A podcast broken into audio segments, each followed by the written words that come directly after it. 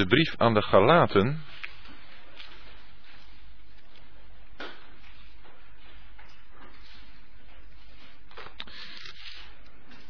En wel uit Galaten 4. En daarvan het vierde vers.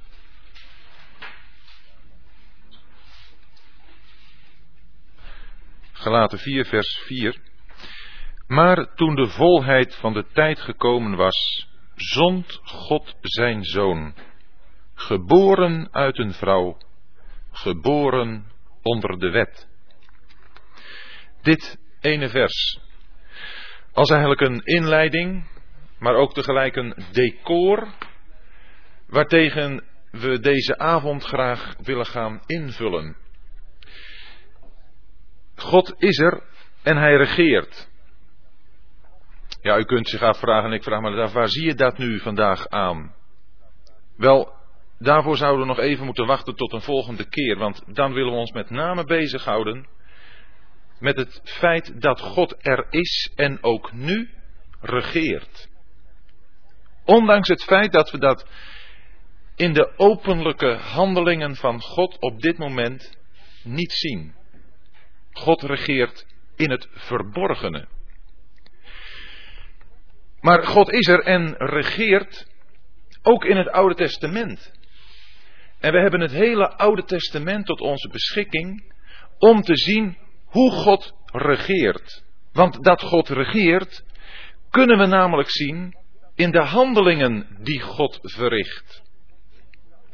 En alle handelingen van God in het Oude Testament, zijn hele regering, was erop gericht om op het gegeven ogenblik, wat we gelezen hebben in de Galaten 4, de volheid van de tijd te laten aanbreken waarop zijn zoon zou kunnen komen, die hij zond om geboren te worden uit een vrouw en geboren te worden onder de wet.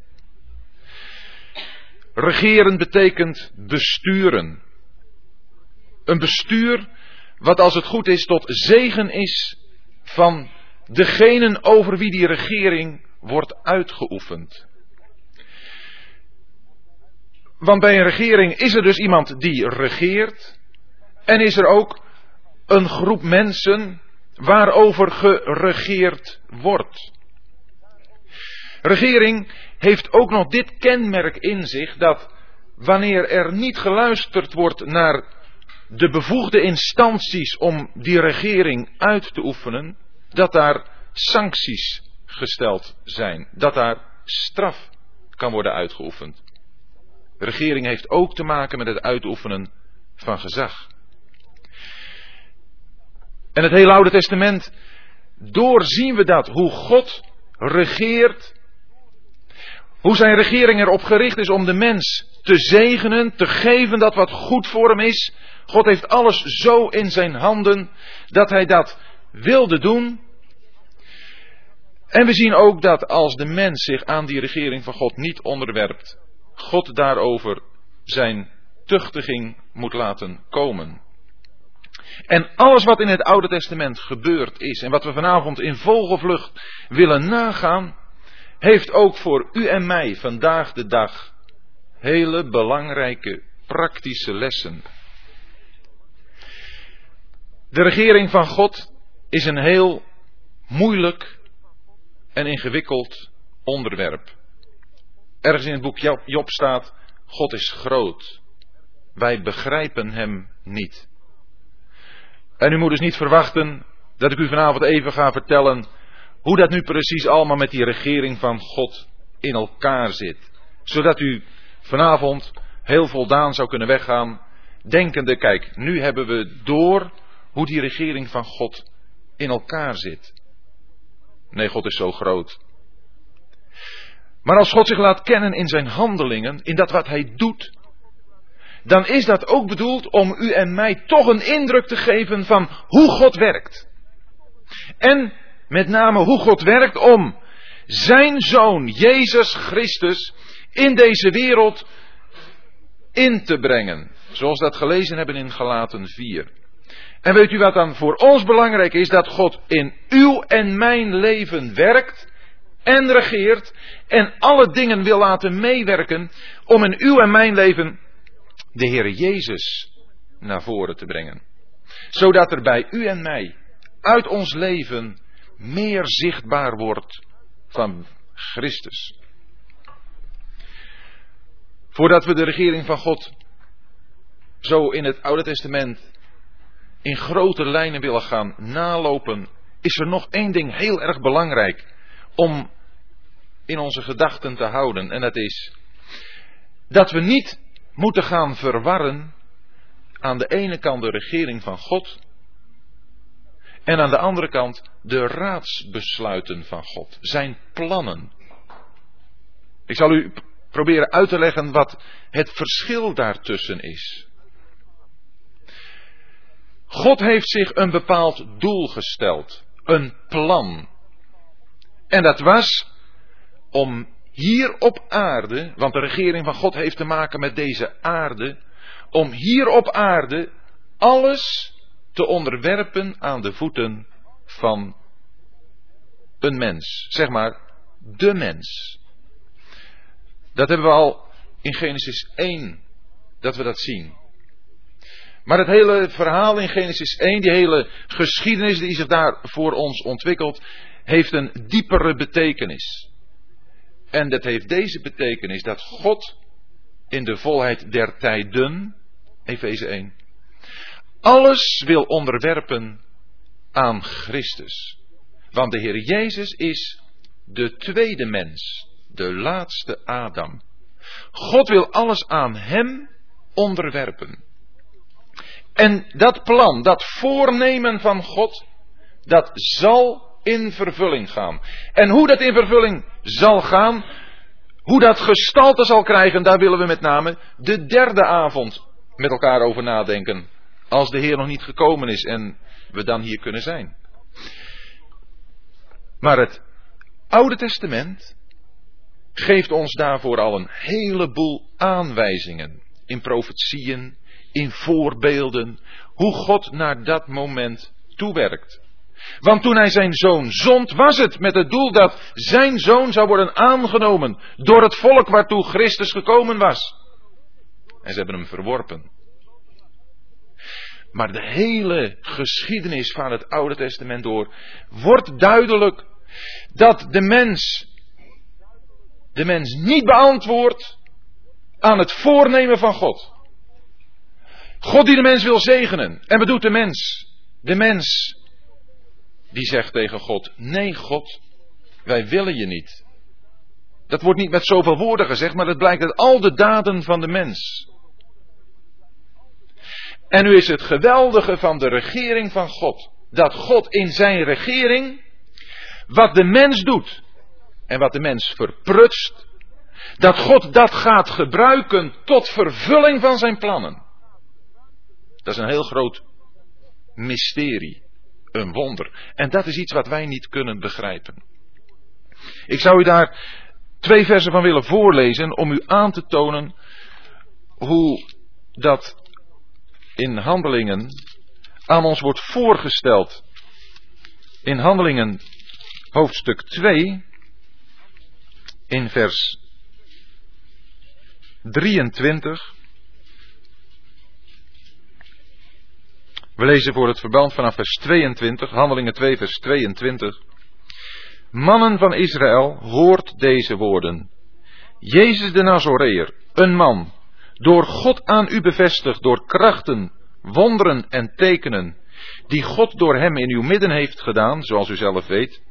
Hem, en dan krijgen we het, door de bepaalde raad en voorkennis van God overgegeven, hebt u door de hand van wettelozen aan het kruis gehecht en gedood. Ziet u daar die twee kanten die ik u net vertelde? Aan de ene kant het voornemen van God, zijn plannen. En aan de andere kant wat de mens doet in zijn verantwoordelijkheid. En dat God dat gebruikt tot de vervulling van zijn plannen. Nee, dat maakt die mens in geen enkel opzicht ook maar minder verantwoordelijk.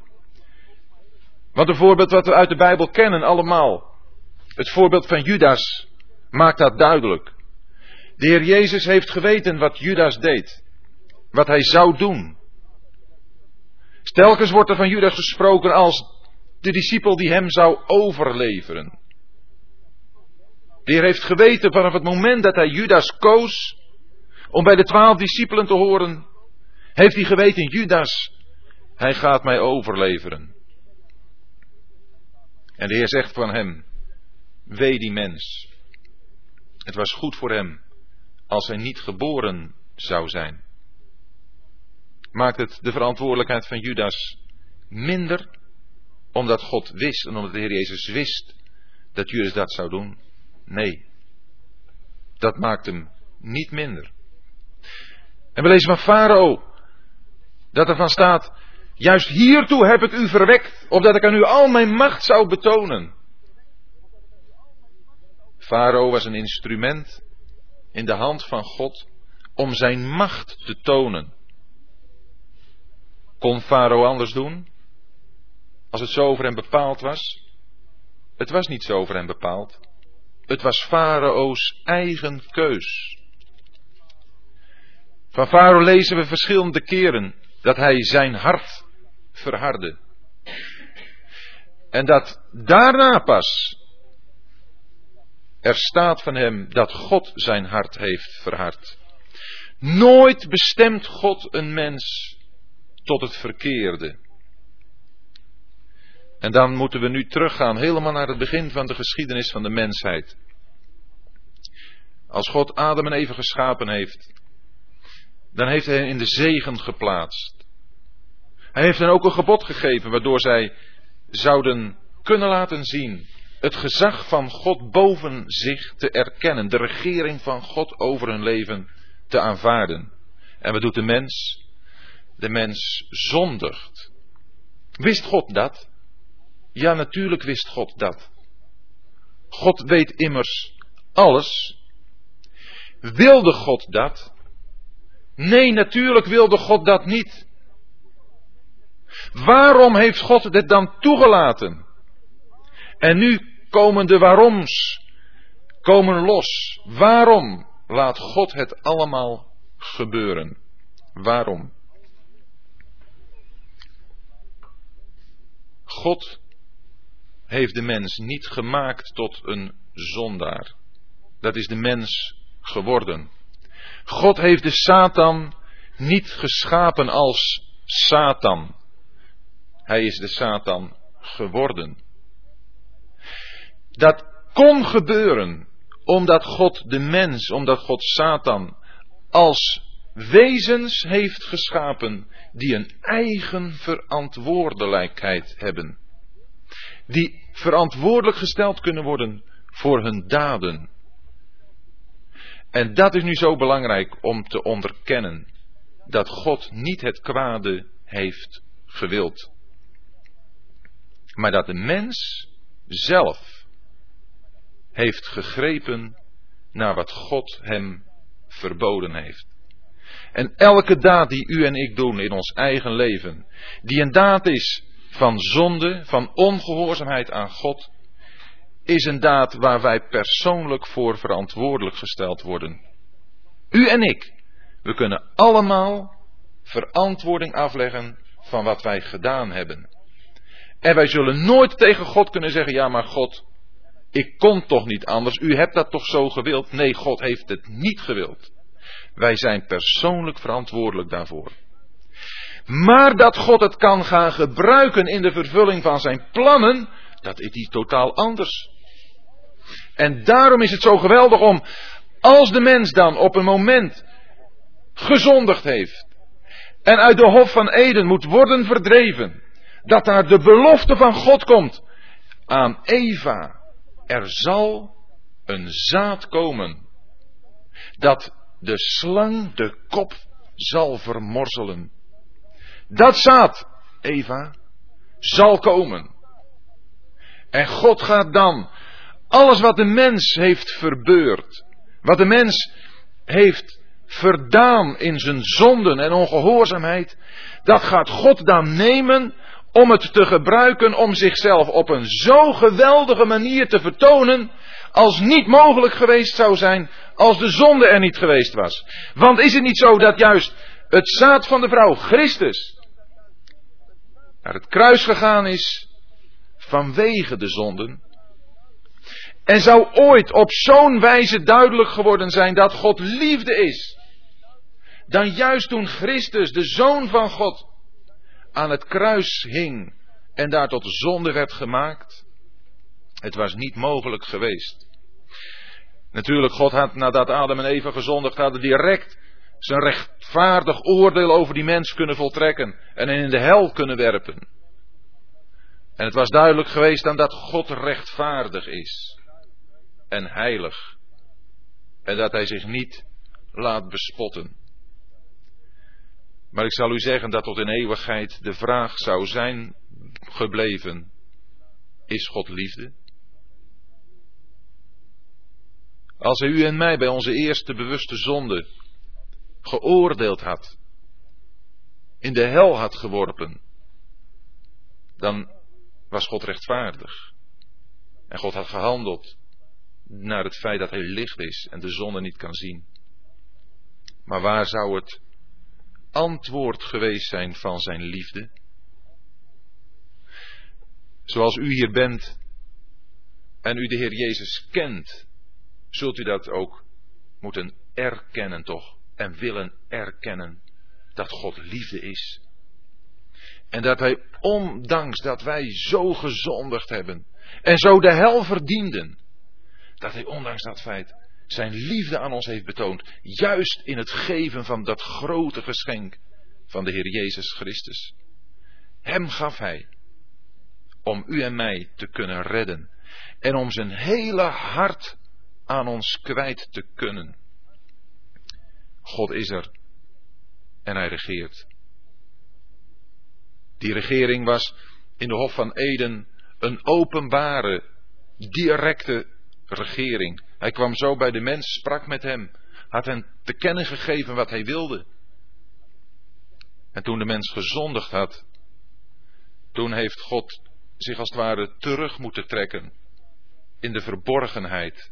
O God maakte wel zijn wil bekend, maar niet meer op die vriendschappelijke manier, niet meer in die directe omgang. De mens was verdreven uit de hof en heeft de aarde toen vervuld. De mens werd aan zichzelf overgelaten. En wat heeft die mens toen gedaan? Heeft die mens vanuit zichzelf God gezocht? Nee. De mens is, zoals dat staat in, vers, in Genesis 6, een mens geworden die de aarde heeft vervuld met geweldenarij. Een geweldenarij zo groot dat God een gegeven moment heeft moeten zeggen: De aarde is verdorven voor mijn aangezicht, ik moet ze verdelgen. En de zondvloed is gekomen.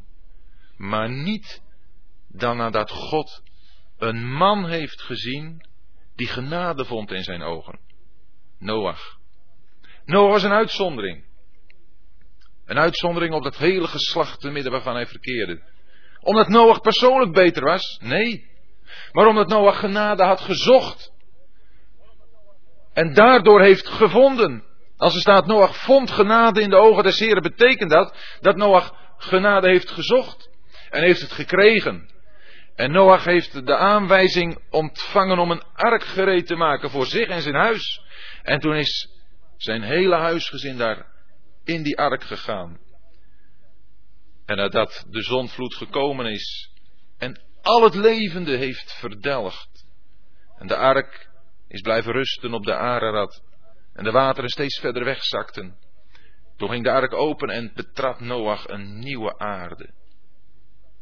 Het gelaat van het aardrijk was vernieuwd. Ging het toen beter met de mens? God gaf toen zijn gezag aan Noach. God zei tegen Noach: Noach, nu moet jij regeren. Als er mensen zijn die anderen doden, dan stel ik het gezag zo in dat wiens mensenbloed vergoten wordt, diens bloed zal door de mens vergoten worden, Noach. Daar ben jij verantwoordelijk voor. En hoe ging het met Noach? Was het een goede regeerder? Noach, hij kon niet eens zichzelf regeren. Hij werd dronken. Zo'n regeerder was Noach. En vanuit Noach wordt de aarde bevolkt. En hoe gaat het met de bevolking? Dat wordt een bevolking die op een ogenblik bij elkaar komt en zegt: Wij moeten bij elkaar blijven. En wij zullen een toren gaan bouwen waarvan het opperste rijk tot in de hemel. Wij zullen onze naam maken op aarde. Dat is de mens. Een mens die niet weer naar God vraagt. En dan komt God opnieuw met zijn oordeel. Hij stuurt de spraakverwarring. En ook dan zien we juist de regering van God weer naar voren komen. Want wat lezen we in Deuteronomium 32? Dat op dat moment dat God de spraakverwarring zendt om de volkeren uiteen te laten vallen in allerlei talen, dan lezen we in Deuteronomium 32 vers 8 dat God dat heeft gedaan met het oog op de zonen van Israël. Hij heeft de grenzen zo bepaald, toen, bij die spraakverwarring, dat de volkeren uit elkaar vielen en de aarde verder gingen bevolken, op een manier dat Israël vrij daar zou gevestigd kunnen worden. Hij deed dat met het oog op de kinderen Israëls. Toen al in Genesis 10 heeft God vooruitgezien naar het moment dat zijn volk Israël in het land zou wonen. Zo regeert God. Door de zonde van de mens heen. En hij gebruikt het om zijn plannen te verwerkelijken. En dat is geweldig. En het mag ook voor u en mij een grote bemoediging zijn dat God regeert. Ook wanneer wij falen. Is het niet zo dat als u en ik gefaald hebben in ons leven, dingen gedaan hebben die niet goed zijn, die we hebben moeten beleiden voor God, dat we daardoorheen toch meer hebben leren kennen van wie God is. En dat God uit het verkeerde toch iets tot onze zegen heeft laten komen. In de Romeinenbrief lezen we dat zij die God liefhebben, weten dat alle dingen medewerken ten goede. Alle dingen. In de Romeinenbrief gaat het erom dat we het moeilijk kunnen hebben, verdrukking kunnen lijden hier op aarde. Dat we het er wel eens niet meer zien zitten. Wel, God laat dat meewerken ten goede. Maar ik denk dat het ook een wijdere toepassing heeft. Dat zelfs als wij verkeerde dingen doen, dat God toch die dingen laat meewerken ten goede. Houdt u wel vast dat het onze verantwoordelijkheid niet minder maakt. Wij worden er niet minder schuldig door. Nee, we moeten niet als de Romeinen worden aan wie Paulus schrijft. Als je maar zondigt, dan krijg je een steeds grotere indruk van de genade. Nee, dat is de bedoeling niet. Als we gezondigd hebben, dan inderdaad, dan wil God in zijn genade ons laten voelen dat Hij ons wil vergeven. En dan zullen we die vergeving aanvaarden. En dan zullen we die genieten op een duidelijker wijze dan wanneer we niet gezondigd hadden. Dat is wat God in zijn regering dan bij ons bewerkt. Hoewel we de gevolgen van onze daden tot onze schande vaak lang en soms levenslang moeten dragen. God wil ons lessen leren, juist in zijn regering.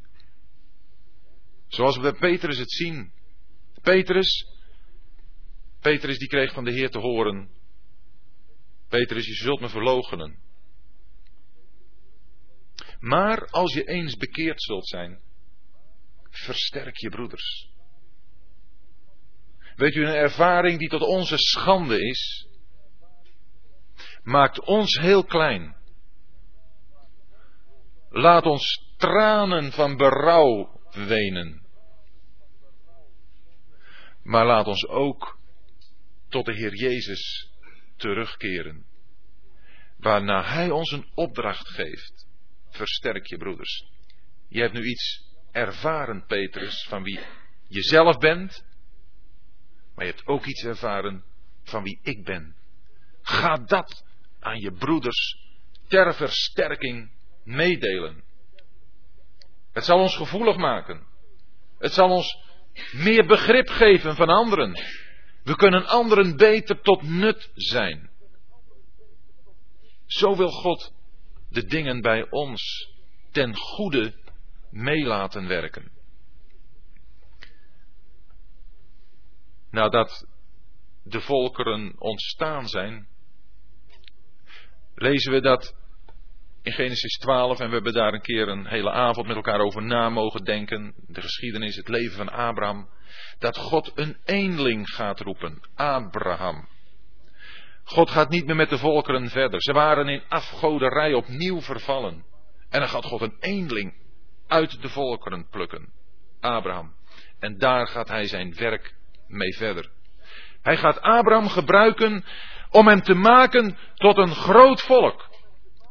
En Abraham en Isaac en Jacob, zij uit wie dat volk, de twaalf zonen van Jacob en tenslotte het hele volk geboren worden. Aan Abraham wordt al gezegd, Abraham, je nageslacht zal een, een volk zijn dat dienstknechten zal zijn. Ze zullen wonen in een land waar ze 400 jaar lang verdrukt zullen worden. En daaruit zal ik ze verlossen. Abraham. En zo is het gegaan. Want het is in het boek Exodus dat we tegenkomen hoe dat volk daar in de verdrukking terecht is gekomen. En God, Hij heeft dat willen gebruiken. Hij heeft willen gebruiken die verdrukking van dat volk om dat volk iets te leren. En het is verlossing. En is het ook niet in uw en mijn leven zo gegaan? Dat God in ons leven een verdrukking heeft willen zenden. Opdat wij tot Hem zouden worden uitgedreven. Dat wij om hem, aan Hem zouden vragen om verlossing. Want wanneer wil een mens bevrijd worden? Wanneer wil een mens verlost worden? Dat is toch als hij verdrukt wordt? Zoveel mensen in deze wereld hebben geen idee van verdrukking, van, van de enorme slavernij waarin ze zich bevinden. Ze zijn helemaal niet zich bewust dat zij slaven van de zonde zijn. Maar als u en ik hier zitten, als mensen die de Heer Jezus kennen en liefhebben, dan is dat toch omdat we ook die verdrukking gekend hebben, die slavernij, het juk van de zonde, waar wij onszelf niet van konden bevrijden. Dat konden wij niet. Maar God wilde dat wij dat gingen voelen, opdat wij naar de verlossing zouden vragen en naar de Verlosser. Nou, het is zo prachtig in Exodus te lezen. Hoe in Exodus 2 Mozes al wordt ingevoerd. Hoe je daar de geboorte van Mozes beschreven vindt. En het is nog voordat het volk tot God gaat roepen. Weet u, toen u en ik tot God gingen roepen, omdat wij het niet meer zagen zitten. Omdat wij dat juk van de zonde zo voelden knellen. Toen had God al die verlossing tot stand gebracht. Toen kon hij ons wijzen op de verlosser die hij gegeven had. En zo ging het ook bij het volk Israël. God heeft in Mozes een verlosser bereid, die op het moment dat God door het volk werd aangeroepen om verlost te worden, door hem gezonden kon worden. En Mozes heeft het volk uitgeleid uit het land en het gebracht in de woestijn. En vanuit de woestijn is dat volk gekomen in het beloofde land. En in het beloofde land, hoe is het daar met het volk gegaan? Hebben ze daar God trouw gediend? Nee, ze hebben God niet trouw gediend. God heeft gezegd, in het boek Deuteronomie vinden dat beschreven, wat er allemaal in het land te vinden is. Wat een geweldige dingen er zijn. Maar God heeft ook gezegd, jullie kunnen daar slechts van genieten als je mij trouw blijft, als je mij blijft dienen. Hebben ze dat gedaan? Nee. Ze zijn mensen geworden die zich telkens weer van God hebben afgekeerd. En het boek De Richteren maakt ons duidelijk hoe telkens opnieuw God een God is die zijn volk in verdrukking moet brengen. Die zijn volk zo in de slavernij moet laten zuchten dat ze tot hem weer omhoog gaan zien. Tot hem gaan roepen. En God geeft weer een bevrijder. God geeft weer mensen die dat volk uit de slavernij bevrijden. Zo is God. En telkens opnieuw zien we hoe God in zorg en liefde zich op zijn volk richt. Zoals hij ook nu op u en mij in liefde neerziet. En u en mij zijn liefde wil tonen. Juist door ons op te zoeken. Door naar ons om te zien als wij door onze daden laten zien dat wij eigenlijk niet naar God vragen. God vergeet ons niet. Hij wil ons aan zijn hart hebben. Hij wil ons zegenen. En daarvoor moet hij in zijn regering in ons leven wel eens dingen toelaten die we niet prettig vinden. Zijn handen doen dan smart aan. Ja, dat kan. Maar het vers erop zegt, en zijn handen helen. Dat zijn diezelfde handen. Zo gaat God met u en mij. Zo gaat God met zijn volk om. Waar de mens telkens opnieuw het verprutst. Adam en Eva in de hof, even in de zegen. En ze verspelen de zegen. Als God zijn volk bij zich heeft, dan geeft God hen priesters. Lezen we het maar in Leviticus. Als ze uit Egypte in de woestijn terechtgekomen zijn. God geeft hen het priesterschap. Een priesterschap waardoor zij bij God kunnen komen, in, bij, met God in verbinding kunnen zijn. En wat lezen we? Even maar is het priesterschap ingesteld. En in Leviticus 10, daar vinden we de zonen van Aaron, Nadab en Abihu, die met vreemd vuur naderen. En ze worden gedood. Het priesterschap is een priesterschap als het wordt toevertrouwd aan de handen van de mens, wat de mens ook misbruikt. Het koningschap, David, Salomo, het zijn geweldige koningen, nietwaar? Maar zijn het volmaakte koningen? Zijn het koningen naar het hart van God in die zin dat God nu door deze koningen zijn raadsbesluiten kan vervullen? Ook daar niet. Israël in de zegeningen van het land, wat God zo graag wilde, hebben ze die zegeningen genoten? Nee. Alles wat God aan de mens heeft willen geven en gegeven heeft, heeft de mens na korte tijd helemaal weer verspeeld. Wat blijft er dan over van alles wat God heeft willen doen? God gaat dat allemaal vervullen in zijn Zoon Jezus Christus. En u en ik, als wij met de Heer Jezus verbonden zijn, zullen daarvan meegenieten. Al de beloften van God die er zijn, zijn in Christus ja en amen. God regeert. En het boek De Koningen, daar vinden we een heel merkwaardig vers waar het opnieuw uit blijkt. Als na Salomo het rijk in tweeën wordt gedeeld, vanwege de zonde van Salomo, jazeker, maar niet in zijn dagen, maar in de dagen van zijn zoon Rehabiam, dan lezen we dat Rehabiam, wanneer hij tot het volk gaat en het volk vraagt, wil toch onze lasten wat verlichten? Dan zegt Rehabiam, op advies van jonge mensen, zegt Rehabiam, wat? Jullie vragen om een verlichting van het juk, wat mijn vader Salomo jullie heeft opgelegd.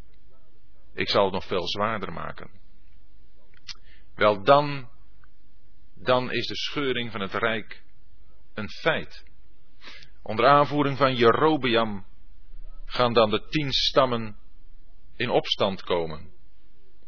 Rehabiam wil die scheuring ongedaan maken en roept zijn legers op en wil het rijk weer tot een eenheid gaan vormen.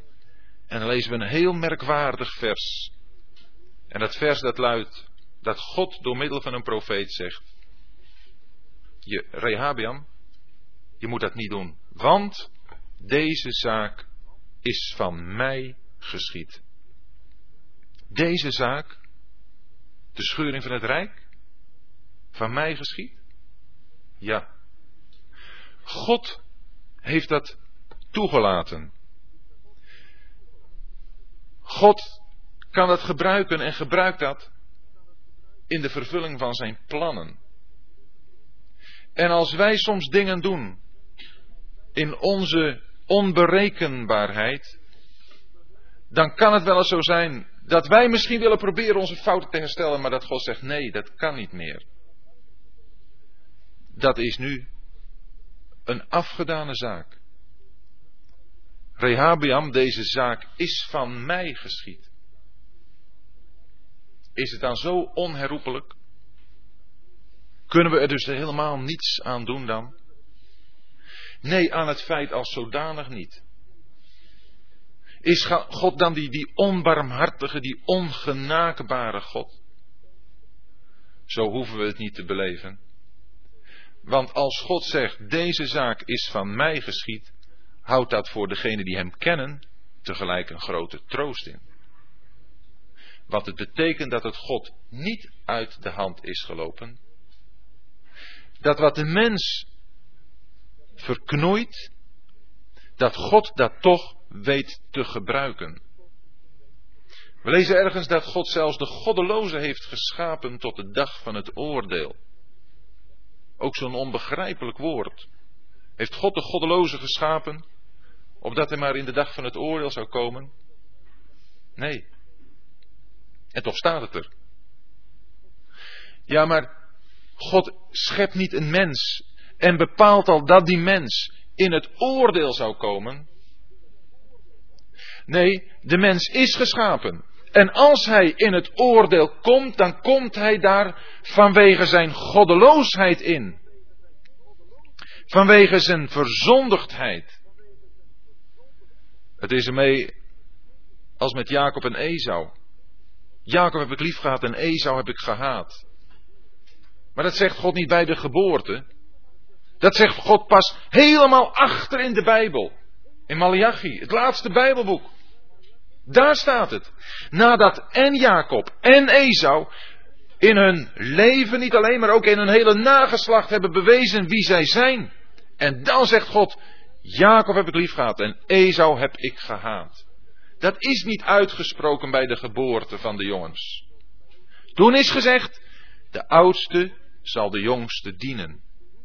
Niet Jacob heb ik lief gehad, Esau heb ik gehad. Dat is geen voorbestemming vanaf het moment dat ze geboren zijn. Dat is door de mens zelf naar voren gebracht, waarbij God dan zijn oordeel uit moet spreken en uit moet oefenen over dat wat de mens doet. En God kan in het leven van gelovigen die dingen gebruiken om zijn plannen te vervullen. Dan wil hij ons duidelijk maken dat er in ons leven dingen zijn die moeten veranderen, die moeten verdwijnen, die we weg moeten doen. Opdat hij daarvoor in de plaats zijn zoon, de Heer Jezus Christus, kan binnenvoeren. En wanneer de scheuring van het Rijk een feit is, dan gaat de geschiedenis langs twee lijnen verder. Er is een geschiedenis langs de lijn van het tien stammenrijk. En er is een geschiedenis langs de lijn van het twee stammenrijk. Het twee stammenrijk Juda en het tien stammenrijk Ephraim. Zo worden ze in de verzamelnaam in de profetieën vaak genoemd. Het tien stammenrijk, dat vinden we vooral beschreven in het boeken der koningen. Die boeken van de koningen maken heel duidelijk hoe het met het tien stammenrijk ervoor staat. Steeds verder vallen ze van God af.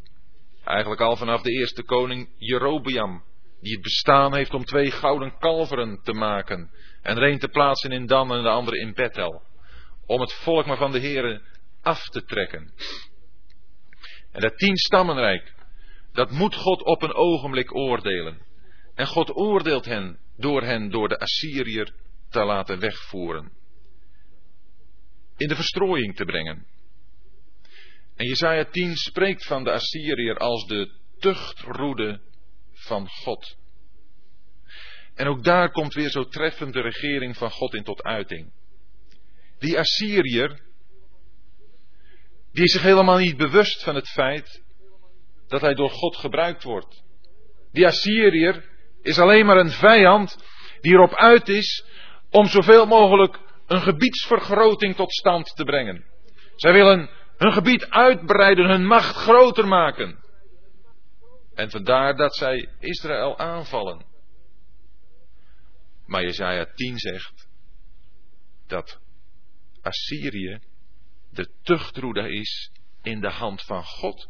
God gebruikt zijn volk. En zo kunnen er misschien ook in ons leven dingen gebeuren die ons van buitenaf overkomen, misschien door mensen ons aangedaan worden. Waarbij die mensen zelf helemaal niet in de gaten hebben dat zij instrumenten zijn in Gods hand. Het kwaad wat u kan worden aangedaan door kennissen, vrienden, buren of misschien onbekenden. Hoe ervaart u dat? Ervaart u dat als een vijandelijke daad van die persoon zelf? Of is het zo dat u daarachter toch Gods handelen ziet? Dat God u wil corrigeren. Dat God u op iets wil wijzen in uw leven wat niet goed is. Daarmee is die persoon niet vrij te spreken, zoals de Assyriër ook niet vrij te spreken is. God zou de roede van zijn toren ook verbreken. De Assyriër zou zijn macht worden ontnomen. Maar God gebruikte deze Assyriër. En voor het twee-stammenrijk, dat nog iets langer heeft bestaan, geldt precies hetzelfde. Want de Galdeer, Babylon, die we in het boek Habakkuk beschreven vinden, is precies zo'n figuur als de Assyriër. Het is ook helemaal niet in zijn hart om Gods wil te doen. Hij wil zelf zijn macht vergroten. En deze Babyloniër, die gaat daar het volk in ballingschap voeren. Het gaat er het volk belegeren. Gaat er het volk in benauwdheid brengen. En Habakkuk zegt het, oh God, hoe kunt u dat toelaten? Door deze vreselijke, vrede vijand, die een nog erger en nog groter zonder is dan wij zijn. Hoe kunt u het toelaten, oh God? En God laat het toe om zijn volk te leren dat ze niet van hem moeten afwijken. God wil ze daardoor bij zichzelf terugbrengen. Hoewel het, zo zegt Habakkuk dat, niet zo was in het hart van de Babyloniër. God gebruikt het. God regeert. God heeft de dingen in zijn hand. En hij gebruikt alles om de zijnen terug te brengen tot zijn hart. En met name het rijk van Babel wordt in het boek Daniel uitvoerig beschreven. Want God heeft dan de regering, het gezag bij de volkeren gelegd. De tijden van de volkeren zijn dan aangebroken. Nebukadnezar, hij wordt het nieuwe hoofd. Wat in Israël aan Israël gegeven was, is dan voorbij. De troon des Heren, waar Salomo op gezeten had. 1 Kronieken 29 zegt dat. De troon des Heren is teruggekeerd naar de hemel. En God is vanaf dat ogenblik de God van de hemel. Zo wordt hij in Daniel genoemd. En het gezag ligt nu bij de volkeren. En in het boek Daniel lezen we dat toch God blijft regeren. Hij is nu helemaal weggetrokken. Er is van God niets meer te zien. Zo heel mooi vinden we dat beschreven in het boek Esther. In het boek Esther, wordt de naam van God niet één keer genoemd. Niet één keer. Maar we zien wel hoe op de achtergrond God alles daar bestuurt ten gunste van zijn volk. Als Haman, die booswicht, zo wordt hij daar genoemd, het bij de koning klaar heeft gekregen om alle Joden in het hele rijk om te brengen, dan vlak voor dat moment aanbreekt, krijgt Ahasveros een droom of een slapeloze nacht eigenlijk. En dan roept hij iemand om hem uit de boeken te laten voorlezen, uit de kronieken. En er wordt Ahasveros wordt voorgelezen, een geschiedenis die pas geleden gebeurd is. En waarbij notabene staat dat hem het leven is gered. Door, door ene Mordechai. En de koning vraagt, en welke eer en onderscheiding is hem daarvoor bewezen? Hem is daarvoor geen eer bewezen. Nou zegt de koning dan, wie loopt daar in de voorhof? Dat blijkt Haman te zijn. En Haman wordt bij de koning geroepen. En de koning Ahasverus tegen tegen Haman. Haman, wat moeten we doen met de man die mij het leven heeft gered? Of aan wie de koning eer wil bewijzen. Zo zegt hij het. En Haman denkt, aan wie zou de koning meer eer willen bewijzen dan aan mij? En Haman noemt een hele hoop dingen op. En dan zegt de koning, doe zo aan Mordechai. Zomaar een slapeloze nacht. Zomaar een geschiedenis voorgelezen uit talloze geschiedenissen die daar in die kronieken moeten zijn opgetekend. Maar die God gebruikt om op het beslissende moment uitkomst te geven voor zijn volk. Zo werkt God. God regeert. Dat doet hij ook nu. Ook nu ten opzichte van zijn volk Israël. Maar dat doet hij ook in uw en mijn leven. Misschien kunt u ook wel gebeurtenissen opnoemen in uw leven. Die zo onbetekenend leken. En waarvan u achteraf zei. Maar daar heeft God zijn hand in gehad. En daarmee heeft hij ons voor veel dingen willen bewaren. Daarvoor heeft hij ons aan zichzelf willen verbinden. Zo wil God werken. En eigenlijk is in het boek Daniel dat ook zo. Als Daniel en zijn vrienden daar in Daniel 1, daar in Babel komen, dan vragen zij om dat ze zich niet hoeven te verontreinigen met de spijzen van de tafel van de koning. En we lezen in het boek der Spreuken, Spreuken 21. God bestuurt de harten van koningen als waterbeken. De harten van de koningen zijn in zijn hart, in zijn hand als waterbeken. En dan krijgen de Daniel en zijn vrienden, die krijgen genegenheid voor de man die over hen gesteld is. En ze hoeven het niet te doen. Dat Nezer een droom krijgt. En hoe Daniel die kan uitleggen. En daarmee zichzelf redt en ook zijn vrienden redt. God maakt Nebukadnezar in een droom duidelijk wat er gaat gebeuren. In Daniel 3, in Daniel 4, in Daniel 5. Het zijn allemaal op zichzelf staande gebeurtenissen waarin we zo heel duidelijk de hand van God zien. God regeert. En alles is belangrijk voor God waar het zijn volk betreft. Hij wil met dat volk in verbinding staan. Hij wil dat volk zegenen. En als een mens alles maar verbeurt en verprutst, dan gebruikt God dat om toch zijn doel te bereiken. En zo verwekt hij Kores, de pers.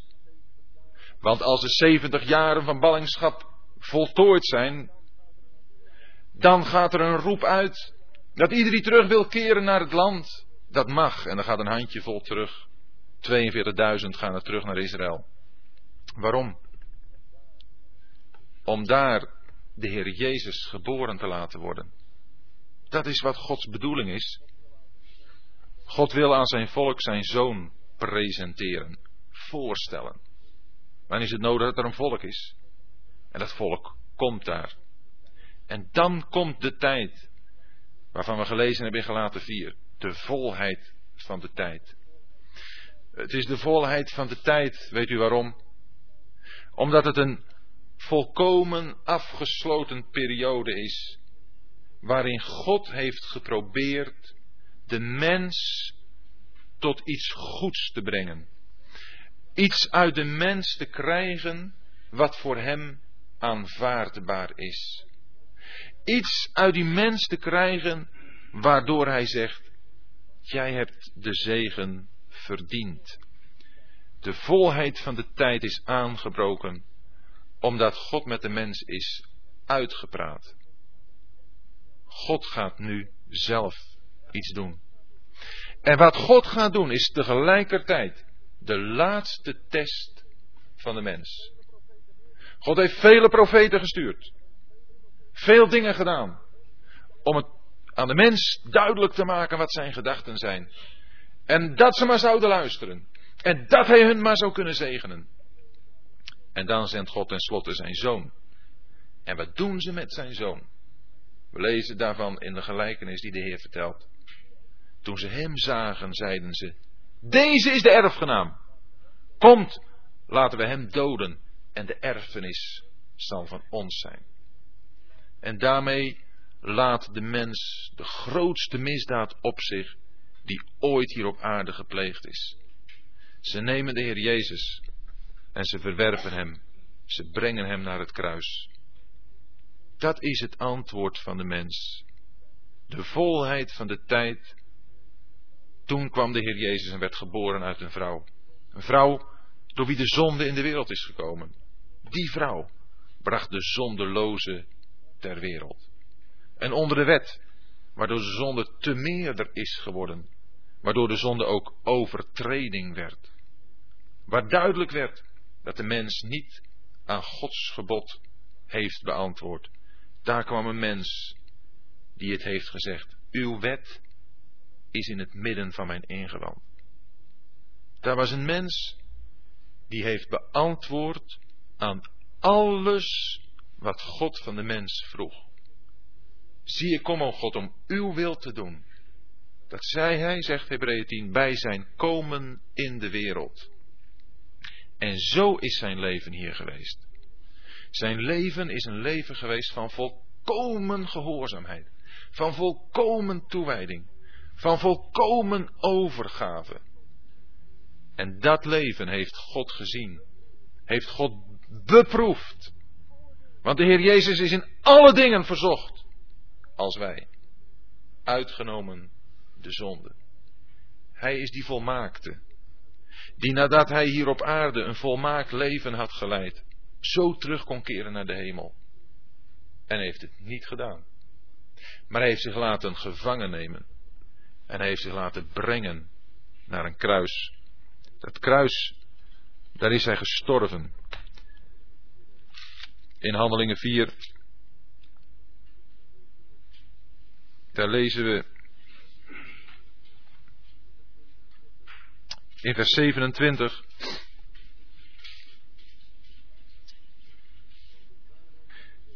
Want in waarheid zijn in deze stad verzameld tegen uw heilige knecht Jezus, die u hebt gezalfd, zowel Herodes als Pontius Pilatus met de naties en volken van Israël, om te doen alles wat uw hand en uw raad tevoren had bestemd, dat zou gebeuren. Daar heeft zich dat wonder dat raadsel voltrokken. Dat daar gebeurd is. Alles wat God in zijn raad tevoren had bestemd.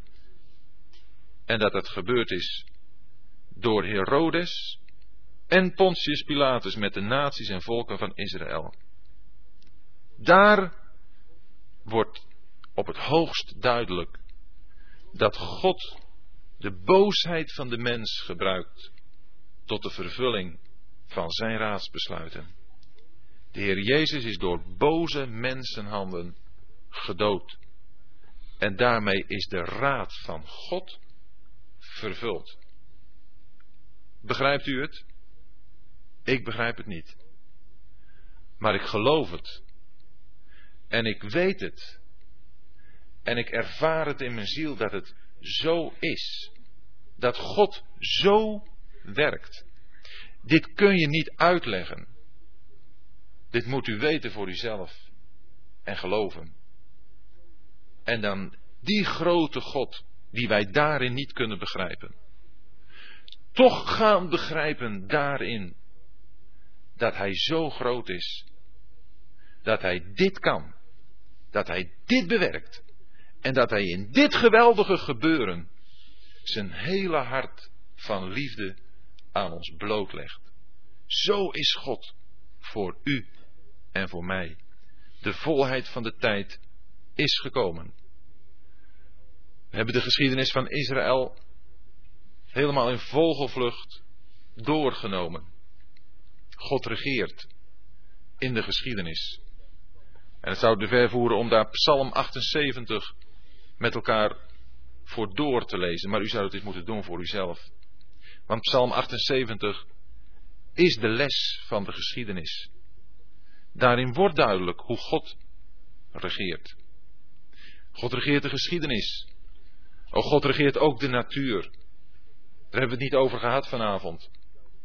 Maar toch, u zou de moeite eens moeten nemen om Job 37 te lezen. Hoe God in de natuur alles regeert. De sneeuw laat hij uit zijn voorraadkamers voortkomen. De regen zendt hij over deze aarde. Het zij tot zegen, het zij tot een roede. Zo lees je dat in Job 37. En er staat dan bij, hij zendt het opdat het doet wat hem behaagt. Ook natuurrampen. Ze zijn er als een spreken van God. Weet u, er is iemand die gezegd heeft, lijden in deze wereld, vooral die grote rampen, dat is Gods megafoon. Daardoor spreekt God heel erg luid, heel erg duidelijk tot deze wereld. Opdat de mensen zich maar zouden bekeren. Zich zouden bekeren tot Hem. En de rampen en de grote onheilen, ze voltrekken zich steeds sneller op elkaar. En daarmee zien we al een voorvervulling wat we in het boek de Openbaring vinden. Als er die vreselijke dingen gebeuren die we daar beschreven vinden. In de zegels die geopend worden. In de bazuinen die geblazen worden. En tenslotte in de schalen van Gods toren die leeggegooid worden over deze aarde. Dan lezen we in Openbaringen 16. Dat als die schalen worden leeggegooid. Die vol zijn van de gramschap van de toren van God de Almachtige. Dat de mensen hun tongen kauwen van pijn. En zij bekeerden zich niet. Vreselijk is dat. Maar God laat het toe, opdat de mens zich tot Hem zal keren. We mogen nu nog in de tijd van de genade leven. Het is nog niet de volle openbaring van de toren van God, zoals die over deze wereld zal komen. God zond zijn zoon. God gaf hem, opdat zijn raadsbesluiten vervuld zouden worden. En u en ik, hem, de zoon van Gods liefde, de man van zijn hart, de Christus, de gezalfde, in wie God alles gaat vervullen, opdat wij Hem zouden leren kennen, met Hem verbonden zouden worden en samen met Hem in de regering van God die plaats zouden krijgen die God zich heeft voorgenemen u en mij te geven. Straks, in de toekomst, aan de zijde van de Heer Jezus. Wanneer we als de bruidsgemeente van Jezus Christus samen met Hem na de bruiloft in de hemel gesloten te hebben, hier naar deze wereld zullen komen. Om dan dat heerlijk rijk van recht en vrede mee op te mogen richten. Maar nu nog om bij de Heer Jezus te horen. Om lijden te ondergaan. Waar we volgende keer ook wat uitvoeriger bij stil willen staan. Om nu toch ondanks alle lijden Christus en juist door het lijden heen Christus steeds beter te leren kennen als de man die door God nu al eer bewezen is. Mordechai was toen geen eer bewezen. In deze wereld wordt Christus nu geen eer bewezen. Maar in u en mijn leven wordt hij daarin eer bewezen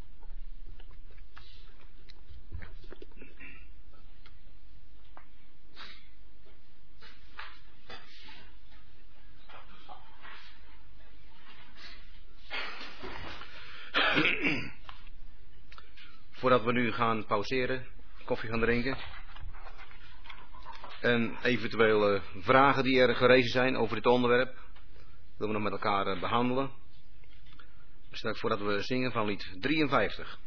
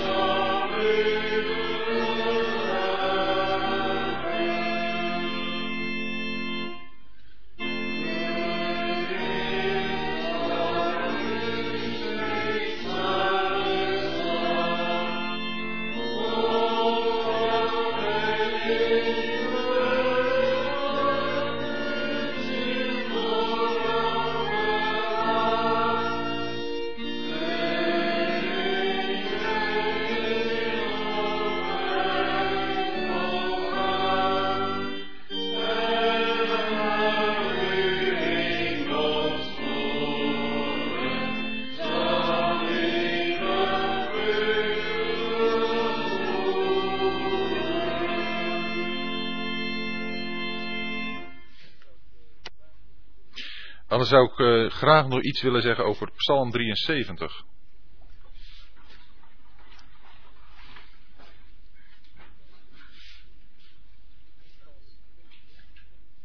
Psalm 73. Daar staat boven het raadsel van de voorspoed der goddelozen.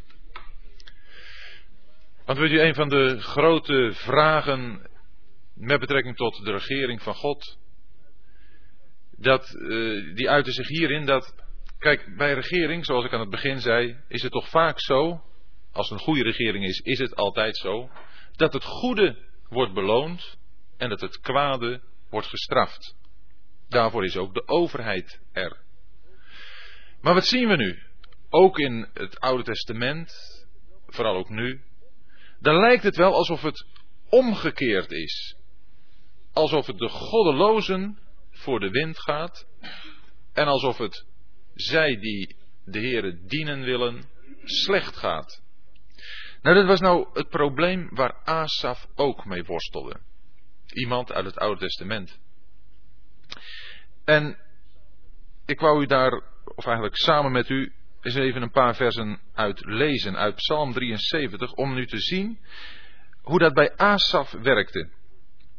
In vers 1 daar lezen we, Waarlijk God is goed voor Israël, voor hen die rein van hart zijn. Dat is uitgangspunt. Zo is het normaal. En zo is het natuurlijk in wezen ook. God is goed voor Israël, voor hen die rein van hart zijn. Maar dan gaat Asef zijn ervaringen vertellen. In vers 2, maar mij aangaande, bijkans waren mijn voeten afgeweken, bijna waren mijn schreden uitgegleden. Want ik was afgunstig op de hoogmoedigen, toen ik de voorspoed der goddelozen zag. Want moeiten hebben zij niet, gaaf en welgedaan is hun lichaam. In de kwelling der stervelingen delen zij niet, en met andere mensen worden zij niet geplaagd. Daarom is de trots hun een halssieraad, het geweld omhult hen als een kleed. Hun ogen puilen uit van vet, de inbeeldingen van hun hart lopen over. Zij spreken, zij spotten, en boosaardig spreken zij van verdrukking. Ze spreken uit de hoogte, ze zetten hun mond op tegen de hemel en hun tong roert zich op de aarde. Ziet u en hoort u hoe dat de mens is die in deze wereld het maakt? De mensen die voorspoed hebben, mensen die lijken zich alles te kunnen permitteren, mensen die ook nooit moeite hebben van ziekte, van werkeloosheid, van alle problemen die, die er in een gezin kunnen voorkomen. Het lijkt alsof of het allemaal geweldig goed gaat. En het zijn mensen die met God of gebod geen rekening houden. Die zijn er heel wat in deze wereld. En Asaf heeft ze in schade geslagen. En hij heeft ook aan zichzelf gedacht in vers 13. Maar tevergeefs heb ik mijn hart rein gehouden, mijn handen in onschuld gewassen. De ganse dag word ik geplaagd. Mijn bestraffing is er elke morgen. Indien ik gezegd had, ik zal al dus spreken, dus net zoals die goddelozen, zie dan was ik afvallig geweest van het geslacht uw kinderen. Ik tobde erover om dit te begrijpen. Een kwelling was het in mijn ogen. Asaf kwam daar niet uit. Hij zegt, die goddelozen gaat het allemaal zo goed. En met mij gaat het zo slecht. Het is net of als ik een mikpunt ben van Gods plagerijen. God heeft het, moet, moet het toch wel op mij gemunt hebben. Elke morgen is mijn bestraffing er. Maar Asaf heeft het zo allemaal horizontaal bekeken de mensen van de wereld om hem heen en zichzelf. En daar is de oplossing niet te vinden. Dan kom je uit dat raadsel niet. Dan kom je er niet uit. En wat moeten we dan doen? Nou, dat is wat Asaf doet. in het volgende vers. Totdat ik in Gods heiligdommen inging en op een einde lette. Zie je dat? Daar gaan de regeringswegen van God voor ons open. Daar gaan we alles zien in het juiste perspectief. We moeten de dingen niet zo horizontaal bekijken, zoals ze zich aan ons voordoen. Wij moeten Gods heiligdom ingaan en vanuit het heiligdom alles hier op aarde bezien. En wat zie je dan? Het einde van die goddelozen. Dan kan het hun heel goed gaan, maar hun einde is het verderf. Vreselijk is dat. Kijk, de Heer heeft dat in die geschiedenis van de rijke man en de arme Lazarus ook al aangeduid. Er was een rijke man die elke dag vrolijk en prachtig leefde. Wat het Oude Testament betreft, daar werd gezegd, als je goed doet, word je gezegend.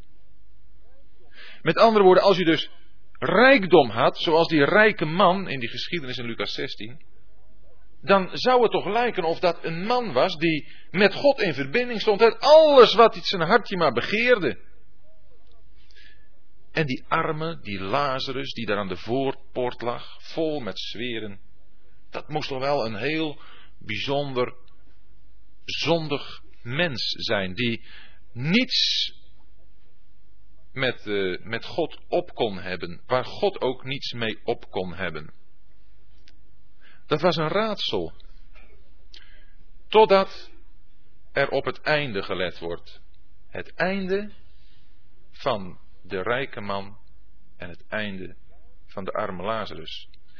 Daar gaat de Heer Jezus een tip van de sluier oplichten van het hiernamaals. En wat zien we dan?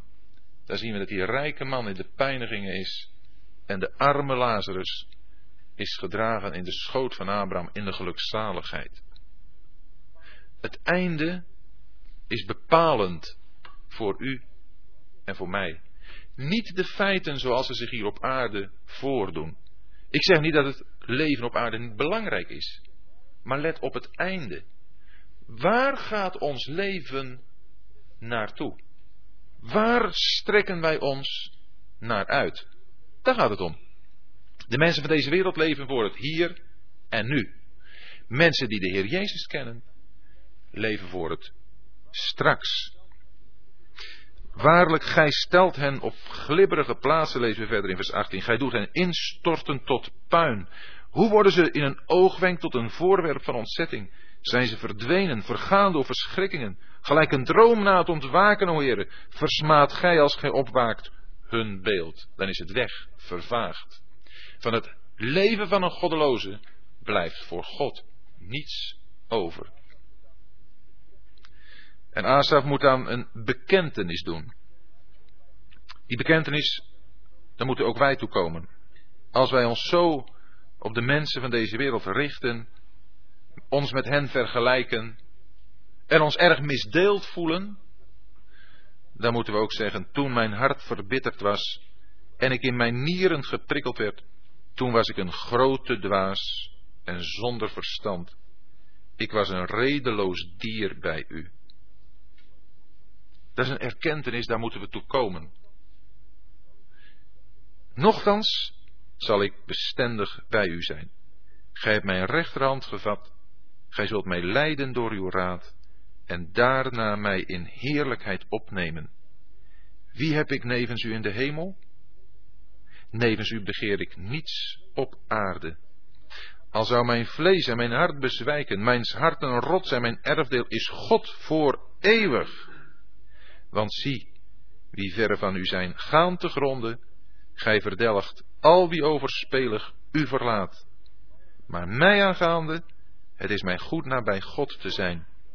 De Heere Heere heb ik tot mijn toevlucht gesteld, en ik wil al uw werken vertellen.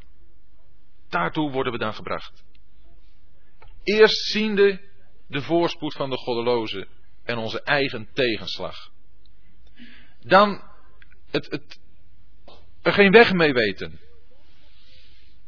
Het ons misdeeld voelen. Dan Gods heiligdommen ingaan.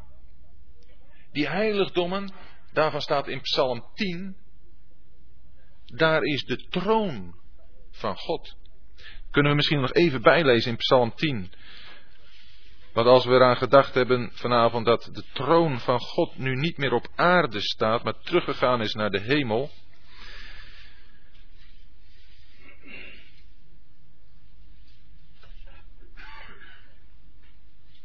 Dan lezen we in Psalm 10. Even kijken.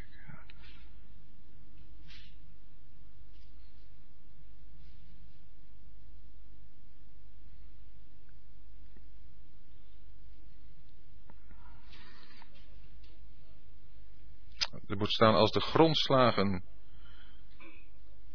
vergaan, dan blijft de troon des Heren blijft staan.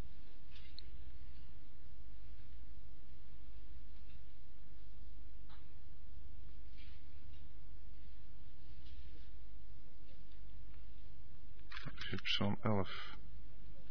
Ja, in Psalm 11. Ik ben een psalmist. In Psalm 11, daar lezen we in vers 3. Want de grondslagen zijn vernield. Wat kan de rechtvaardige dan doen? En we vinden in deze wereld geen enkele grondslag waarop we kunnen staan. Die vastigheid, die fundament geeft aan ons verblijf hier op aarde. Wat kan de rechtvaardige dan doen? Dan staat er in vers 4: De Heere woont in zijn heilig paleis. De Heere heeft in de hemel zijn troon. Het is van daaruit dat hij regeert. Zijn ogen slaan gade, zijn blikken doorvorsen de mensenkinderen. Ziet u daar in het heiligdom, daar is de troon, daar regeert God. En willen we iets begrijpen van Gods regering op aarde, dan zullen we in het heiligdom moeten ingaan. En ons niet laten in de war brengen door dat wat we nu om ons heen zien. Net zoals Azaf niet wat hij om zich heen zag als maatstaf moest nemen. Maar hij moest Gods heiligdom ingaan.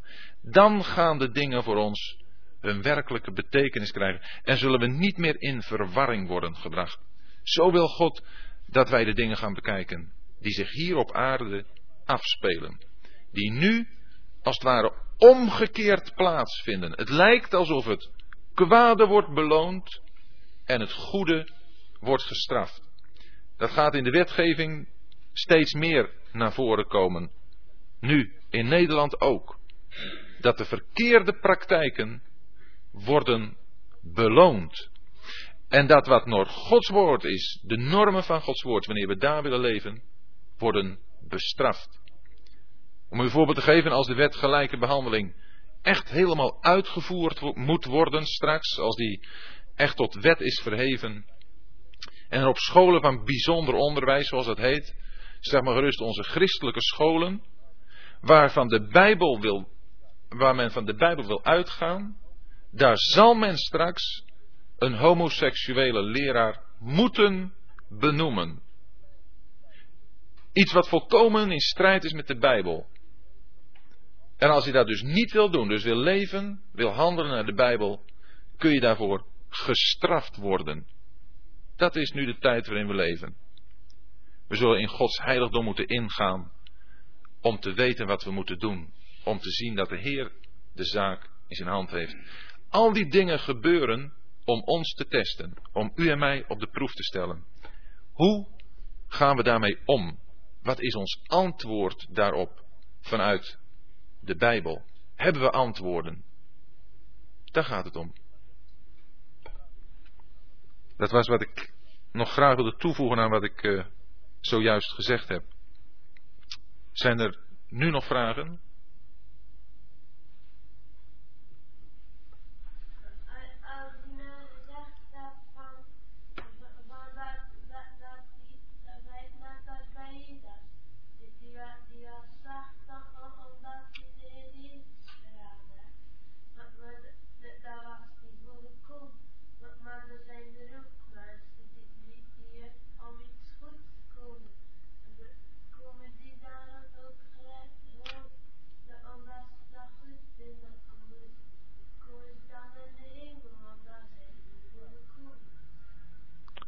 Is een goede vraag van jou.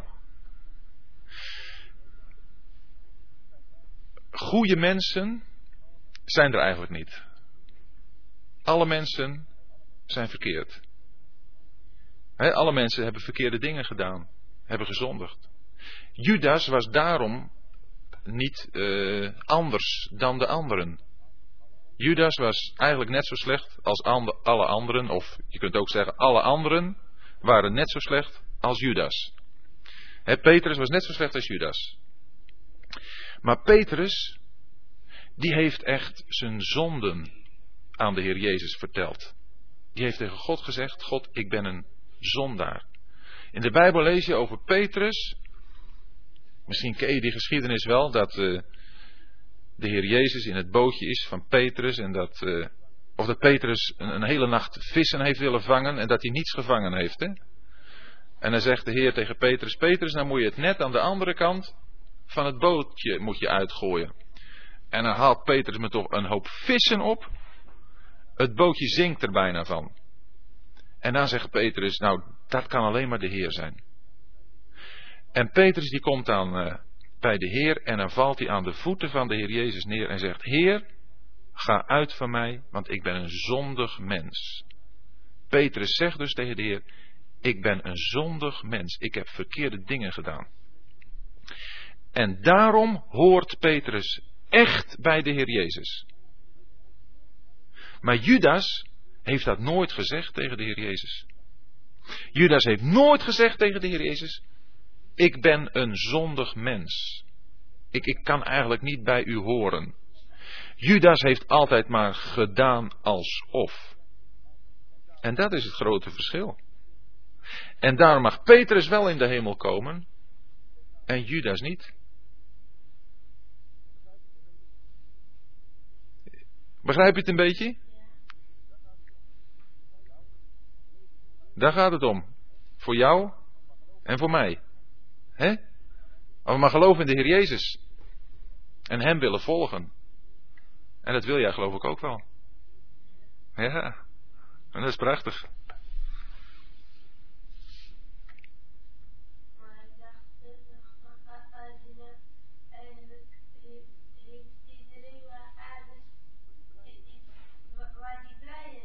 Waar die blij in is.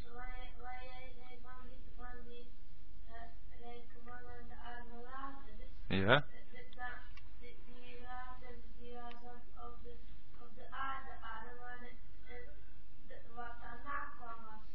Juist. En die man die was op de aardrijk en, en, en, en wat later kwam uit. Maar dat, dat is het, dan kan je ook zien dat, dat als die, als die plaats van de drie waren smaller. Ja, precies.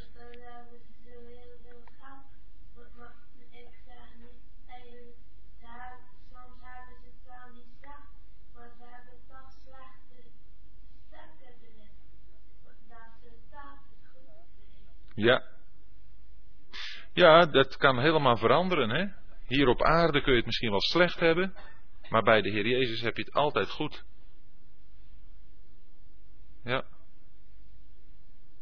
Ja, dat is zeker, dat is belangrijk. Denk maar veel aan de Heer Jezus. En dan heb je het hier op aarde toch eigenlijk ook al goed hoor.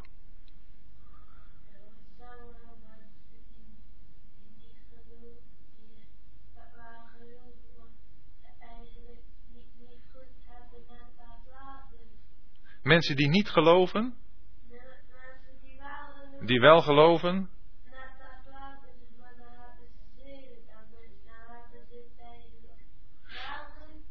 En niet goed, juist. Nou, zo zijn er veel zieke mensen hoor. Veel zieke mensen, mensen in een ziekenhuis, die heel erg ziek zijn. En die toch blij zijn in hun hart.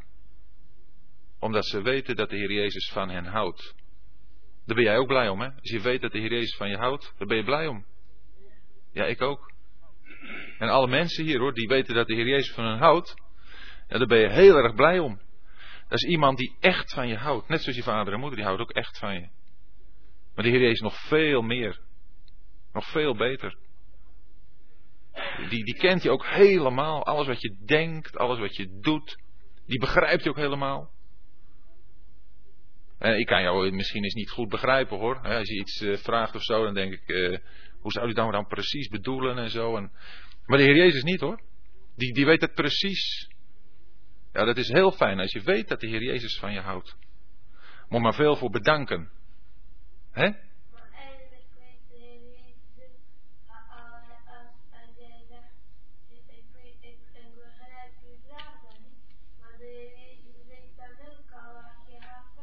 Zo is dat. Ja. ja joh, daar hoef je het niet tegen te vertellen hoor. Maar je mag aan de Heer Jezus toch alles vragen. Vraag het allemaal maar aan de Heer Jezus. En je leest ook wel in de Bijbel, denk ik. Ja? Nou, daar gaat de Heer Jezus nou tegen jou praten. Als je in de Bijbel leest, dan is het eigenlijk alsof de Heer Jezus tegen je praat. He, dan kun je precies in lezen wat de Heer Jezus van je vraagt. Van jou en van mij en van ons. Ja? Heb jij nog vragen? Nou, ik kan nog even proberen. Ik weet niet, tijd misschien wel, maar of het antwoord komt. Het valt op als we in de Bijbel lezen dat uh, er gesproken wordt over uh, dat God uh, het gebed verhoort, bijvoorbeeld van Cornelius. Maar we lezen ook dus dat hij zich laat verbidden. En dan zien we van een heel ander aspect. misschien dat je daar iets over kunt zeggen in verband met de raadsbesluit zijn wel meer gedeelten dus waarin ja, dan toch niet altijd goed te begrijpen en dat we toch een beetje ja, op een afstand staan, denk ik. Ja. Als we in uh, Matthäus lezen dat de dagen ingekort zouden worden ter wille van de uitverkorenen, dat is ook een uitdrukking die uh, ja, toch ook niet zo makkelijk te begrijpen is. Want ja. als je daar goed over nadenkt, dan zeg je ja, dan. Uh... Ja. Ja, dat is. heb ik ook wel een beetje over nagedacht ook, ook daar is zo moeilijk een, uh, een eenduidig antwoord op te geven. Ik meen dat we een, een zevental keer in de Bijbel lezen dat God zich laat verbidden. Je kunt je dus afvragen, is het mogelijk op Gods regering invloed uit te oefenen? Dan dat God anders gaat handelen dan hij van plan was, om het heel menselijk te zeggen. En dan zeg ik, ja. God is een God die zich laat verbidden. Het is zelfs zo, heel sterk gezegd, dat God eigenlijk alleen maar wil handelen op grond van ons gebed. God wil u en mij betrekken in zijn plannen en in de vervulling daarvan. In uh, 2 Petrus 3 staat een heel sterk voorbeeld dat te maken heeft met de dag van God. De dag van God kunnen wij bespoedigen door godvruchtig te wandelen. Dat is nou niet het gebed, maar daar hebben we ook iets, misschien kunnen we dat even lezen.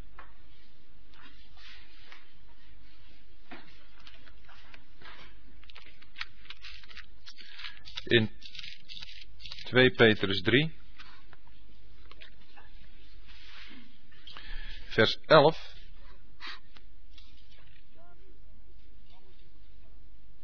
Daar dus dit alles vergaat, de elementen branden, zegt vers 10.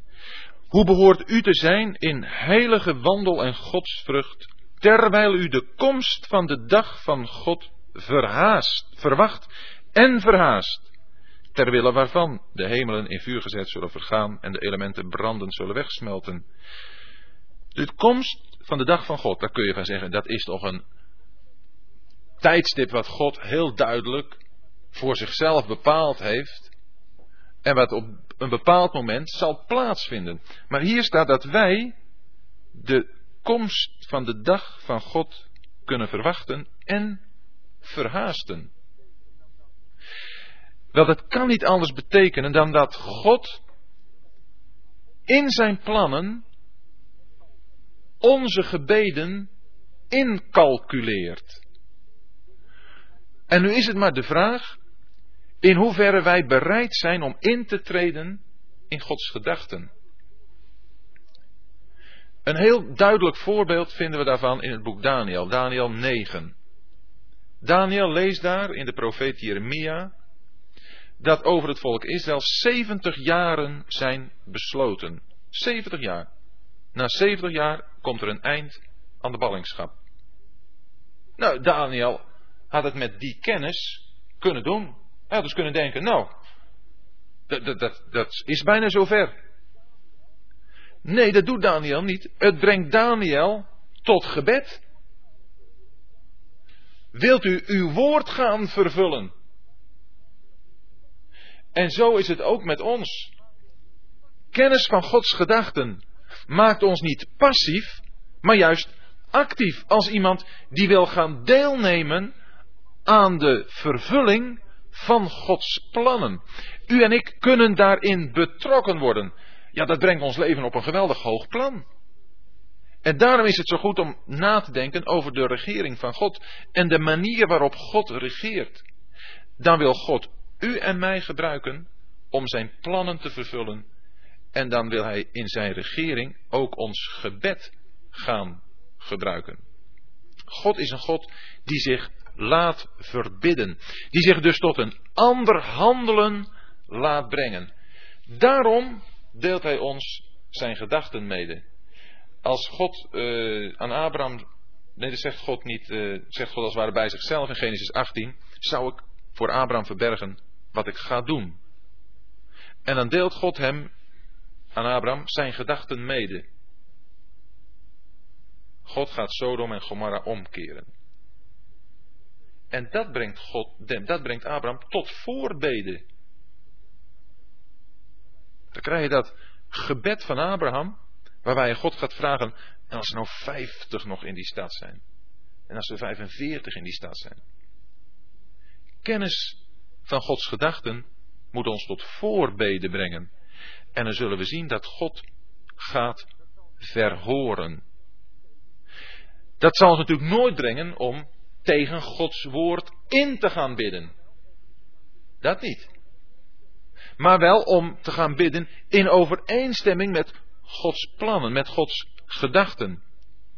Als we weten dat het nu nog de wel aangename tijd is, de dag van het heil, dan is het nu Gods verlangen dat wij bidden voor de bekering van nog velen.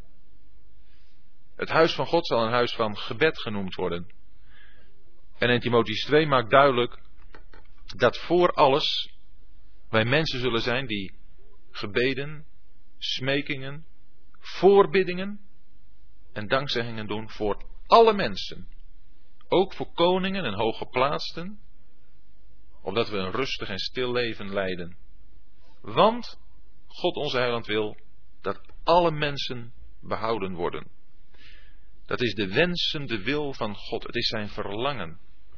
En daar wil hij u en mij bij inschakelen. Misschien bidden we veel te weinig nog. En bidden is dan maar niet een keer zoiets aan God zeggen, maar bidden is een intens en een aanhoudend, een vurig bidden. Zoals Elia dat gedaan heeft. Het gebed van een rechtvaardige vermag veel. Het gebed van een rechtvaardige, dat vermag veel. Dat heeft dus een hele duidelijke en sterke uitwerking. Maar het is ook een gebed van een rechtvaardige.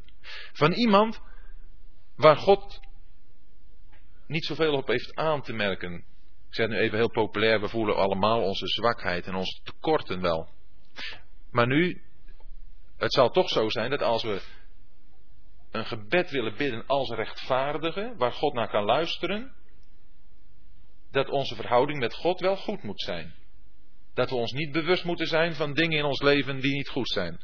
Maar dan zal God daar eerst op moeten wijzen. Want dan zijn we niet in de praktijk mensen die rechtvaardig zijn, mensen die recht doen. Dan zijn we nog mensen die ook verkeerd doen. En als dat verkeerde niet wordt weggedaan, kan God niet naar ons luisteren. Elia was zo'n man. Elia bad een gebed en het regende niet.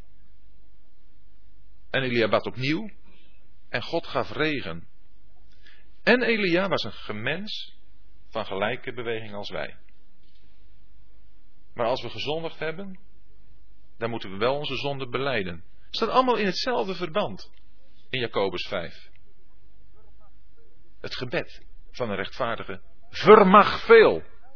Dat betekent dat God er naar luistert. Dat het een uitwerking heeft. Maar weten wij wel wat bidden is? Zijn we wel zoveel ingetreden in Gods gedachten, in dat wat Hij van plan is, dat we echt bidden. Paulus was een bidder. Paulus heeft gebeden voor gemeenten. Maar wat was het doel van Paulus' leven? Dat was dat Christus gestalte zou krijgen in de harten en levens van allen die de Heer Jezus kennen. Ja, het was Paulus' doel zelfs om ieder mens volmaakt te stellen in Christus. Voor Paulus was ieder mens die hij kende, die hij zag, die op zijn weg kreeg, iemand aan wie hij Christus wilde voorstellen. En als we iemand Christus had aangenomen, voor wie Christus ook alles zou moeten worden. Als we zo de mensen om ons heen eens gingen bekijken, brengen we ze in verbinding met Christus, met God, gaan we voor hen bidden. We mogen bidden voor alle mensen. Nu zal de Heer bij u andere mensen op uw weg brengen dan bij mij. Maar als de Heer die mensen op uw weg brengt en op mijn weg brengt, gaan we daar dan ook voor bidden? Zijn we die mensen die, die de Heer toch echt duidelijk op je hart legt? Niet alleen op je weg brengt, maar ook op je hart legt. Wat doen we daarmee? Bidden we daarvoor? We kunnen ook voor ons eigen leven in bepaalde situaties toch God bidden. Gezinsmoeilijkheden, moeilijkheden op het werk, bidden. Aanhoudend bidden. Wordt dan elk probleem opgelost? Kijk, dat is natuurlijk ook nog een vraag. Er is voor eh, die oorlog, voordat de oorlog uitbrak in het Midden-Oosten, ontzettend veel gebeden en gevast. En toch is de oorlog uitgebroken. Ja, wat moet je dan zeggen? Heeft God het dan toch gewild? Hadden we wel moeten bidden? Helpt bidden wel? Kunnen allemaal vragen zijn die, die dan opkomen.